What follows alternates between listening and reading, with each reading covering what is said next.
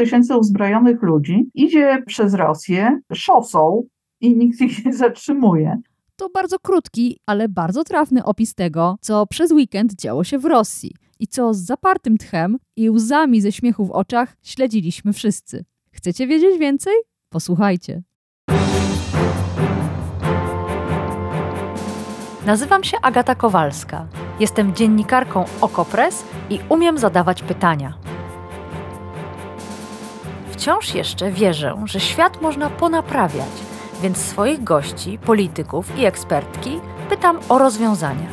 Swoje tematy dorzucacie i wy, słuchaczki i słuchacze powiększenia. Wspólnie wyrywamy się z pułapki, że nic się nie da i że nic nie ma sensu. Zawsze dochodzimy do sedna. No, prawie zawsze. Zapraszam.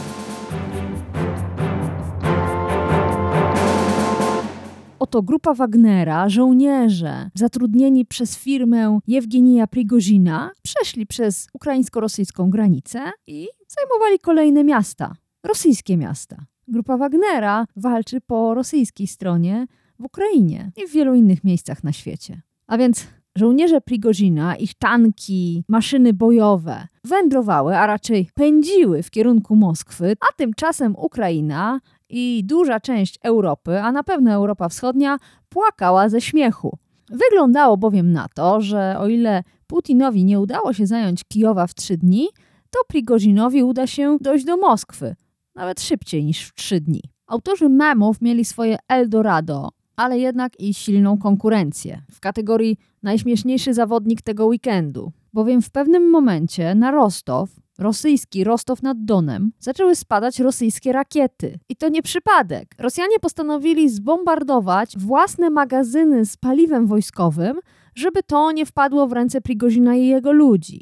Chodziło o to, by spowolnić grupę Wagnera w jej marszu na Moskwę. Prigorzyn specjalnie się nie przejął, dlatego że tankował na stacjach benzynowych położonych wzdłuż autostrady Rostow, Woronesz, Moskwa.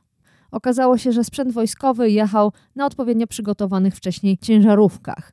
A jak nie jechał, to strzelał. A konkretnie strzelał w rosyjskie samoloty i śmigłowce. I to bardzo skutecznie. Tak jak mówiłam, w ten weekend Europa Wschodnia, a zwłaszcza Ukraina, płakała ze śmiechu. No niestety cała ta zabawa skończyła się szybciej niż na to liczyliśmy, a Prigorzin zniknął. Zostawił Władimira Putina z problemem wizerunkowym, z którego ten teraz się tłumaczy i zapowiada zmiany w kierownictwie armii. Armii, która Prigozina nie powstrzymała i która słabo radzi sobie w Ukrainie. Zapraszam Was na dzisiejszy odcinek Powiększenia, w którym rozmawiam ze świetną ekspertką do spraw rosyjskich, Anną Łabuszewską i muszę zaznaczyć, że wywiad ten nagrywałyśmy w poniedziałek około godziny 15. Od tamtego czasu Jewgenij Prigorzyn się nie odnalazł, za to wystąpił Aleksandr Łukaszenka, dumny ze swojej roli w całej tej historii. Jaka to rola i co to właściwie za historia? O tym dzisiaj w powiększeniu. A gościem powiększenia jest pani Anna Łabuszewska, ekspertka do spraw rosyjskich, publicystka Tygodnika Powszechnego i autorka bloga 17 mgnień Rosji. Dzień dobry. Dzień dobry. Zwykle w zapowiedzi podcastu chwalę się, że potrafię zadawać precyzyjne pytania. I takie właśnie precyzyjne pytanie przygotowałam na początek. Co to było?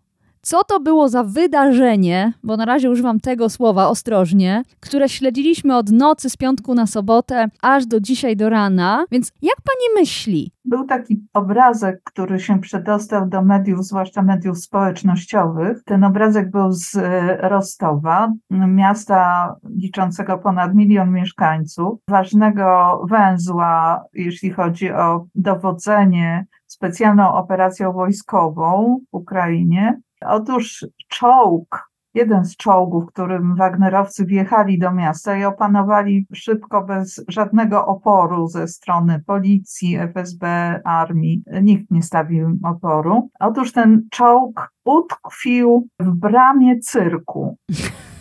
I tak pozostał przez wiele godzin. Dopiero ruszył wtedy, kiedy Prigorzyn wydał rozkaz, aby jego chłopcy wycofali się z Rostowa. I to jest jakiś taki metaforyczny obrazek, co to się wydarzyło. Gdyby mogła Pani przeanalizować ten obrazek dla nas, to ja dodam drugi dla utrudnienia lub ułatwienia, inny czołg jedzie właśnie przez Rostów, otaczają go żołnierze z grupy Wagnera, każdy niesie kubek z kawą na wynos. Co tam się wydarzyło? Żeby zrozumieć, co się wydarzyło, trzeba wrócić dwa tygodnie wstecz. Wtedy mm, minister obrony Siergiej Szojgu wydał rozkaz, aby ludzie, którzy walczą na froncie, a nie należą do armii rosyjskiej, nie są pod komendą Ministerstwa Obrony, do 1 lipca zawarli kontrakty właśnie z Ministerstwem Obrony lub złożyli broń.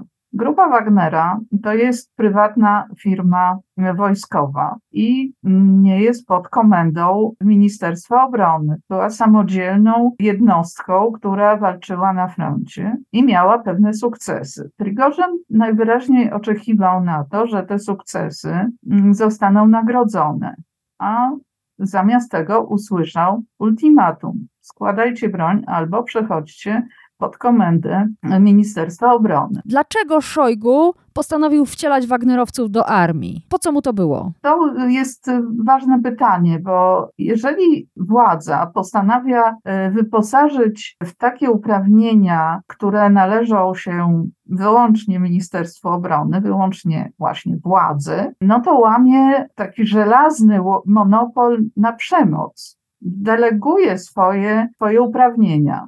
I wtedy, kiedy to się działo, a było to jesienią ubiegłego roku, kiedy właśnie Wagnerowcy zostali wezwani na pomoc, bo szło, szła kontrofensywa ukraińska i Rosjanie się wycofywali, porzucając wcześniej zdobyte terytoria, wtedy Wagnerowcy byli przydatni. Kim oni są, bo też warto powiedzieć o tym, dlaczego akurat o ich pomoc się e, zwróciły władze. Putin dał taką wolną rękę i wtedy. To są najemnicy, to są ludzie, którzy są wyszkoleni, którzy wiedzą, jak walczyć. Wielu z nich otrzaskało się już w innych miejscach, do których zostali wysłani. Mam na myśli Syrię, mam na myśli Afrykę, Mali, Libię. Wiele miejsc, w których wykonywali takie nieformalne zlecenia Kremla. To psy wojny, można powiedzieć. No i to mm. są ludzie, którzy wiedzą, jak trzymać broń. Mm.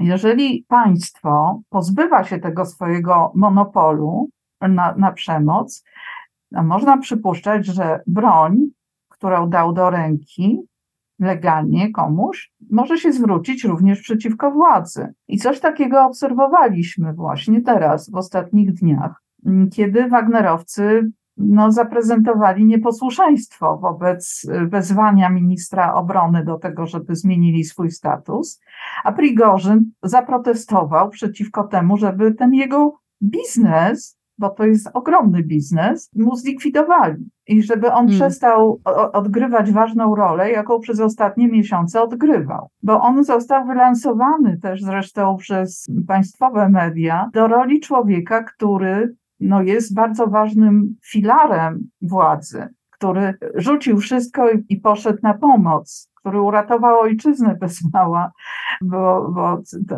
ta, propagandowa otoczka jego działalności była mocno rozdmuchana. Z drugiej strony kilka razy też próbowano nieco hamować jego zapędy. Widać było, że z biegiem czasu jego apetyty na to, żeby zaistnieć na, na scenie politycznej, i wyjść z tego cienia, w którym on był przez wiele lat, rosną. A może nie wszyscy mieli ochotę na to, żeby właśnie Prigorzyn był tym bohaterem narodowym. Jeszcze trzeba pamiętać, że mijają tygodnie, mijają miesiące, a zwycięstwo obiecane przez Putina odsuwa się jak linia horyzontu cały czas. No i ludzie, którzy liczą na to, że to zwycięstwo będzie, zaczynają przebierać nogami niecierpliwie, domagać się tego, żeby władze przestały być takie niezborne, i no, przyniosły to zwycięstwo obiecane. Nawet tak nazywają siebie ci ludzie, rozwścieczeni patrioci. Prigorzyn bardzo dobrze pasował do tej narracji, którą oni szerują przez swoje media społecznościowe, jako właśnie taki ten też rozwścieczony patriota, który domaga się tego, żeby w końcu coś się udało, w końcu mm. coś się stało. On mówił o tym tak, że nie da swoich chłopaków pod komendę tych niewydarzonych generałów, generałów, którzy nie potrafią walczyć. On przeciwstawiał siebie, właśnie człowieka, który potrafi odnosić sukcesy, również na froncie, przeciwstawiał siebie generałom. On zresztą posuwał się do lżenia generałów słowami nie, Tak, niecenzuralnymi. banda kretynów to chyba było jedno z najbardziej łagodnych. To ciągle było. On, on, od wielu tygodni, a zwłaszcza to się nasiliło wtedy, kiedy podano informację, że to dzięki Wagnerowcom odebrano Bachmut z rąk ukraińskich. I zresztą propagandowo to zostało rozwałkowane no, na, na maksa. Napompowana została taka y, wielka bańka właśnie sukcesu. I najwyraźniej Prigorzyn spodziewał się, że zostanie za to wynagrodzony. Tymczasem usłyszał z ust ministra Szojgu, że ten jego wspaniały projekt, ten jego biznes, który przynosi ogromne dochody, ma być zwinięty. Mm. E, Ja jeszcze powiem tak, że Prigorzyn jest człowiekiem, e, który wywodzi się wprost z bandyckiego Petersburga. On był zresztą wyrokowcem e, w latach 80. odsiedział realny wyrok za realne pospolite przestępstwa. Kiedy wyszedł, był już przełom, bo już Związek Radziecki się rozpadał i nowe realia nastały. I ten bandycki Petersburg wypracował taki no, coś w rodzaju kodeksu honorowego, a w każdym razie no, takie mafijne, quasi-mafijne zasady postępowania i gry. I on jest bardzo dobry w te klocki, on jest, się wyćwiczył wtedy i teraz też je Ale nie wiem, stosuje. ile tak? mafii rosyjskich urządziło sobie marsz na Moskwę. Jeszcze na chwilę zostaniemy przy perspektywie Prigozina. Czy pani zdaniem on naprawdę ruszył po to, żeby wymienić obsadę Ministerstwa Obrony Narodowej, czy to jest tylko przykrywka, a jego cele były większe? nie wiemy, jakie były jego cele. Mogę przeanalizować to, co on deklarował. Jego zdaniem powinna być zmiana na tych najwyższych stanowiskach w Ministerstwie Obrony, że powinno być oczyszczone w ogóle pole polityczne, bo jego zdaniem kwitnąca korupcja uniemożliwia osiąganie wyznaczonych celów politycznych. I, I to deklarował. Później jeszcze tylko pyskował prezydentowi, że on się nie podda na jego żądanie. I to właściwie była jedna wycieczka osobista pod adresem Mhm. Władimira Putina. On się wystrzegał bardzo y, konsekwentnie tego, żeby mówić o prezydencie. A jak pani myśli, Nie dlaczego? deklarował tego celu. On, on się odwoływał do Putina. On się odwoływał do Putina, do jego autorytetu, bo te właśnie wyniesione z bandyckiego Petersburga zasady mówią, że jest ważny sędzia, boss, najważniejszy, który ma decydujące zdanie, który podejmuje decyzje w takiej sytuacji, który właśnie decyduje o tym, kto ma rację. A tutaj trzeba było jeszcze przyspieszyć sprawę i właśnie obronić swój biznes. No dobrze, no to teraz przyspieszymy wydarzenia i dojdziemy do punktu, w którym armia Prigozina jest już naprawdę blisko Moskwy, porusza się w szybkim tempie i nagle staje i robi nawrót. Powoli opuszcza też miasta, które udało im się po drodze zająć. Dlaczego? Dlaczego to wszystko trwało tak krótko, szybko i się w taki nagły sposób skończyło? Jak pani myśli, co tam się wydarzyło? To jest rzeczywiście niesamowite, że po drodze, a oni przeszli kilkaset kilometrów, przejechali e, z Rostowa nad Donem przez Woroneż, doszli do Lipiecka. To jest już naprawdę niedaleko Moskwy, no w skali rosyjskiej oczywiście. I nie byli przez nikogo zatrzymywani. Mówiła pani o tym, że tam przekopywano drogi. To było właściwie jedyne świadectwo tego, że ktoś się przygotowuje do tego, żeby ich zatrzymać. Znamienne jest to, że Wagnerowcy zestrzelili śmigłowce bojowe i samolot I-22. To rzeczywiście lotnictwu rosyjskiemu nie, nie zadano takich strat od początku konfliktu w ciągu jednej doby. Stracili kilkunastu pilotów i, i takie maszyny bojowe. Co świadczy o tym, że Wagnerowcy są skutecznie e, wyszkoleni, o czym mówiłam, że to psy wojny, które wiedzą, jak władać bronią. To jest świadectwo też, myślę, tego, że państwo Putina jest taką wioską patiomkinowską, że skoro idzie kilka tysięcy, nie wiem ilu ich tam szło, tych Wagnerowców, Ponoć mówił 8 tysięcy. Prigorzyn, tak się że, chwalili. że, to było, że on ma 25 Mhm, tysięcy mhm. ludzi, ale to, to myślę, że to przy, Mhm. przesadzone było. On liczył bardzo na to, że pół pół armii rosyjskiej natychmiast do niego dołączy. Ale to się nie stało. No ale w każdym razie kilka tysięcy uzbrojonych ludzi idzie przez Rosję szosą i nikt ich nie zatrzymuje. Nie ma rozkazu, bo proszę zobaczyć też, jak zachowuje się minister obrony. On znika. Nie ma go, nie zajmuje stanowiska, nie mówi, co ma, ro- co ma robić jego armia, co mają robić jego generałowie. I rzeczywiście ta armia nic nie robi, nie reaguje na taką sytuację. Putin występuje w telewizji, mówi o tym, że Prigorzyn jest zdrajcą, że będzie za to ukarany, no czyli jest to, tak tłumacząc, jest to wezwanie do tłumienia buntu wszelkimi sposobami. Moskwa przygotowuje się do szturmu. Mer ogłasza, że poniedziałek będzie dniem wolnym od pracy, żeby ludzie siedzieli w domach i się nie pchali tam. Odwołuje się uroczystości szkolne na koniec roku dla uczniów. Tak, tak, no właśnie w takich celach bezpieczeństwa. Wyciąga się też e, taki plan twierdza, e, który przewiduje mm, mobilizację, stan podwyższonej gotowości dla wszystkich funkcjonariuszy MSW. No i pokazuje się w telewizji obrazki, że pod budynkiem Dumy przejeżdżają transportery opancerzone na przykład, tak, żeby pokazać, że my się tutaj przygotowujemy i że tak łatwo nie będzie. No ale Putin właśnie wygłasza to swoje przemówienie i znika. Nie wiadomo, co się z nim dzieje. Ponoć Na, y, poleciał do Petersburga. Właśnie były takie doniesienia, że jego samolot wyleciał e, z lotniska Wnukowo, najprawdopodobniej do Petersburga. Zresztą z nim bardzo wiele osób się też z Moskwy wyniosło, na przykład obsługa medialna Kremla. To też znamienne. Ale to są wszystko niepotwierdzone informacje. Nie wiemy, co Putin robił też. Zniknął i już. No i co robi właśnie buntownik, który podchodzi pod Moskwę? No właściwie powinien iść do końca, no bo wszystko Mm. stoi otworem Tak. prze- przed nim. Tymczasem zaskakuje wszystkich i mówi, że nie chce rozlewu krwi rosyjskiej. Używa takich górnolotnych wyrażeń i mówi, że teraz jego armia wycofuje się do, do baz, do, do miejsc y, rozlokowania. Nie wiadomo, gdzie one są.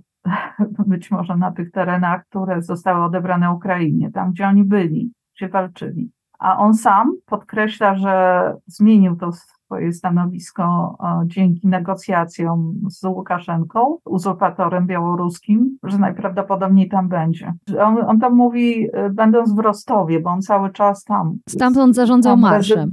Ale tak, proszę powiedzieć, dlaczego nagle pojawia się w ogóle postać Łukaszenki? Dlaczego akurat on i Białoruś mają być tym miejscem, mm, nie wiadomo, ratunku czy wygnania dla Prigozina?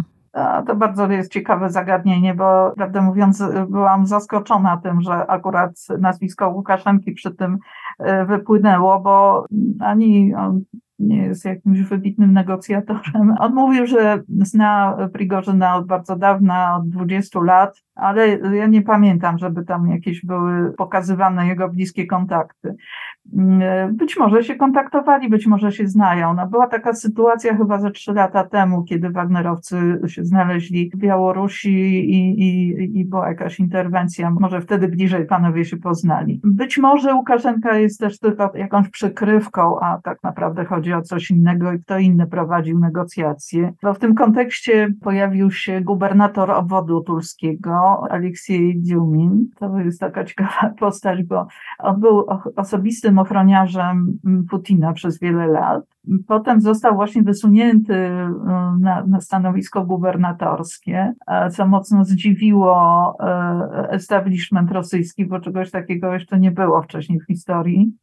E, Putin zresztą nie tylko Dziumina, tam jeszcze było kilka innych osób, które on właśnie ze swojej ochrony osobistej tak do polityki przeklęcował. I o tym Dziuminie mówi się od, od wielu lat, że on jest bardzo dobrym kandydatem jako następ, na następcę Putina. I tym razem znowu wróciły te sugestie, czy też spekulacje może bardziej, że mamy do, do czynienia z kolejnym powodem do wylansowania Dziumina, że być może on obejmie stanowisko ministra obrony, obrony tej sytuacji kryzysowej i że w ten sposób też będzie Kreml będzie próbował zażegnać ten kryzys, no bo to, że władza jest w kryzysie, no to cały świat to zobaczył na własne oczy, no, że skoro buntownik, który ma kilka tysięcy ludzi pod bronią, jest w stanie w taki realny sposób zagrozić stolicy i zdobywa sobie bez żadnego wysiłku i bez strzału jednego milionowe miasto, no to jest to kryzys władzy na pewno. Wszyscy się zastanawiają,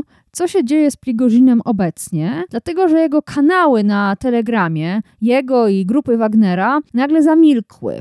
I mam wrażenie, że to pytanie, gdzie jest Prigozin i odpowiedź na to pytanie, byłoby zarazem tropem e, w poszukiwaniu odpowiedzi na pytanie, jak bardzo Putin stracił na tej historii bo los Prigozina wydaje się być tu bardzo mocno splątany z wizerunkiem Władimira Putina. Jak pani myśli, o co teraz walczy prezydent Rosji? Czy za chwileczkę opinia publiczna rosyjska zapomni o tym dziwnym marszu i przejdzie do porządku dziennego? Zacznę od tego, gdzie jest Prigorzyn. Ostatnio był widziany w Rostowie. Był zresztą żegnany bardzo wylewnie przez mieszkańców miasta i zniknął z radarów. Nie wiemy, gdzie jest.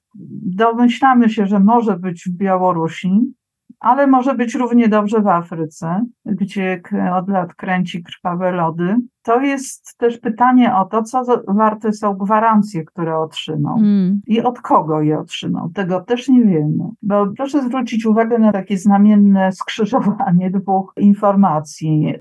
Sekretarz prasowy Kremla, no, czyli osoba oficjalna, mówi o tym, zaraz po ogłoszeniu przez Prigorzyna, że na, nastąpiło porozumienie i że on zawraca swoich chłopaków spod Moskwy. Zaraz po tym był komunikat Kremla, że sprawa karna, która została wszczęta przeciwko Prigorzynowi, no, że ta sprawa karna zostanie umorzona. Nie będzie się tak, go ścigać. Tak. Rosyjskie prawo nie będzie, no to, to kuriozum też w skali światowej, myślę.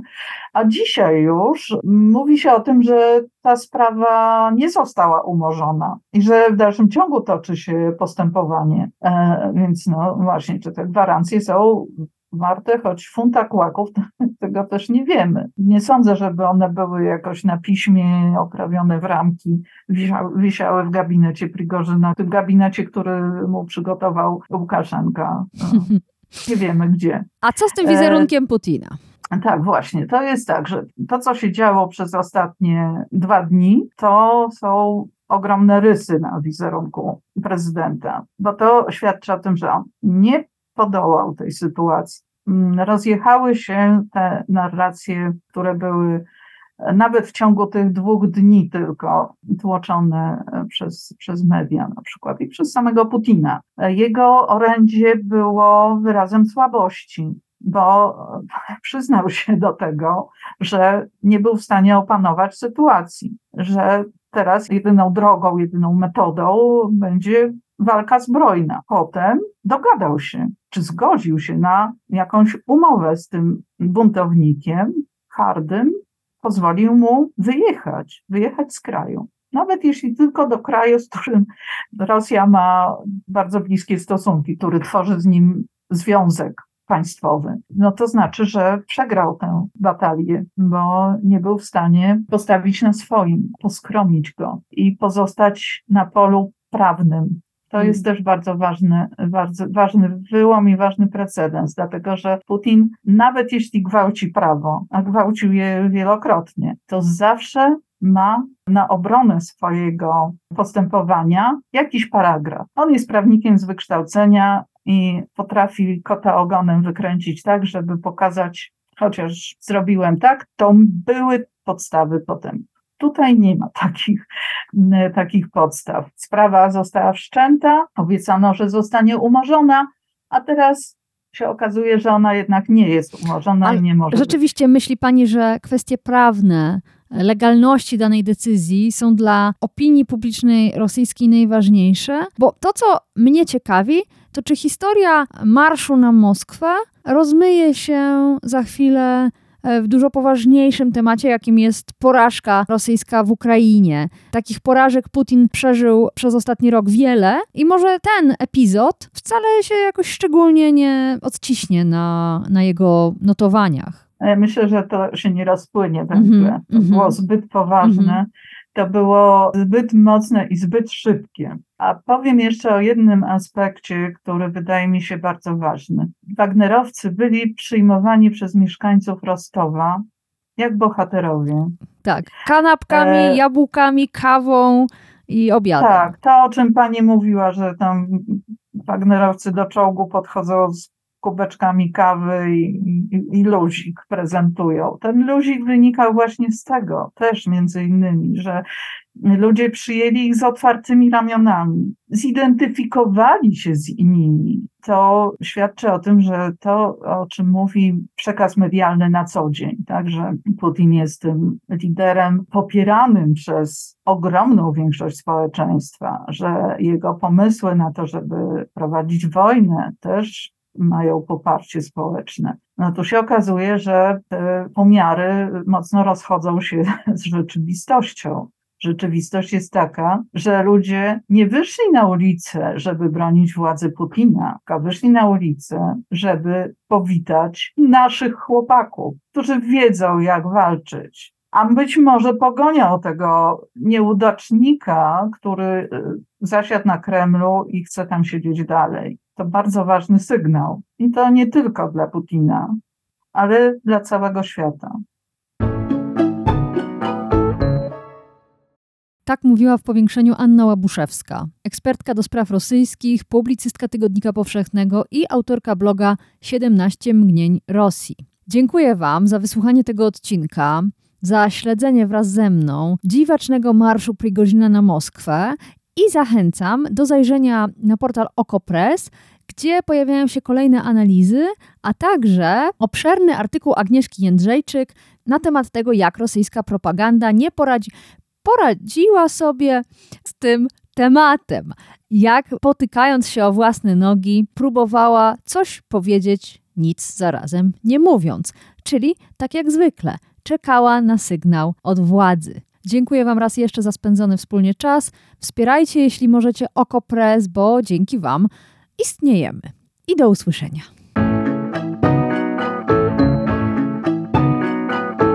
To było Powiększenie, podcast Agaty Kowalskiej. Produkcja Bartosz Weber. Powiększenie znajdziesz na stronie Okopres i w Twojej ulubionej aplikacji do podcastów. Masz pomysł na temat albo komentarz?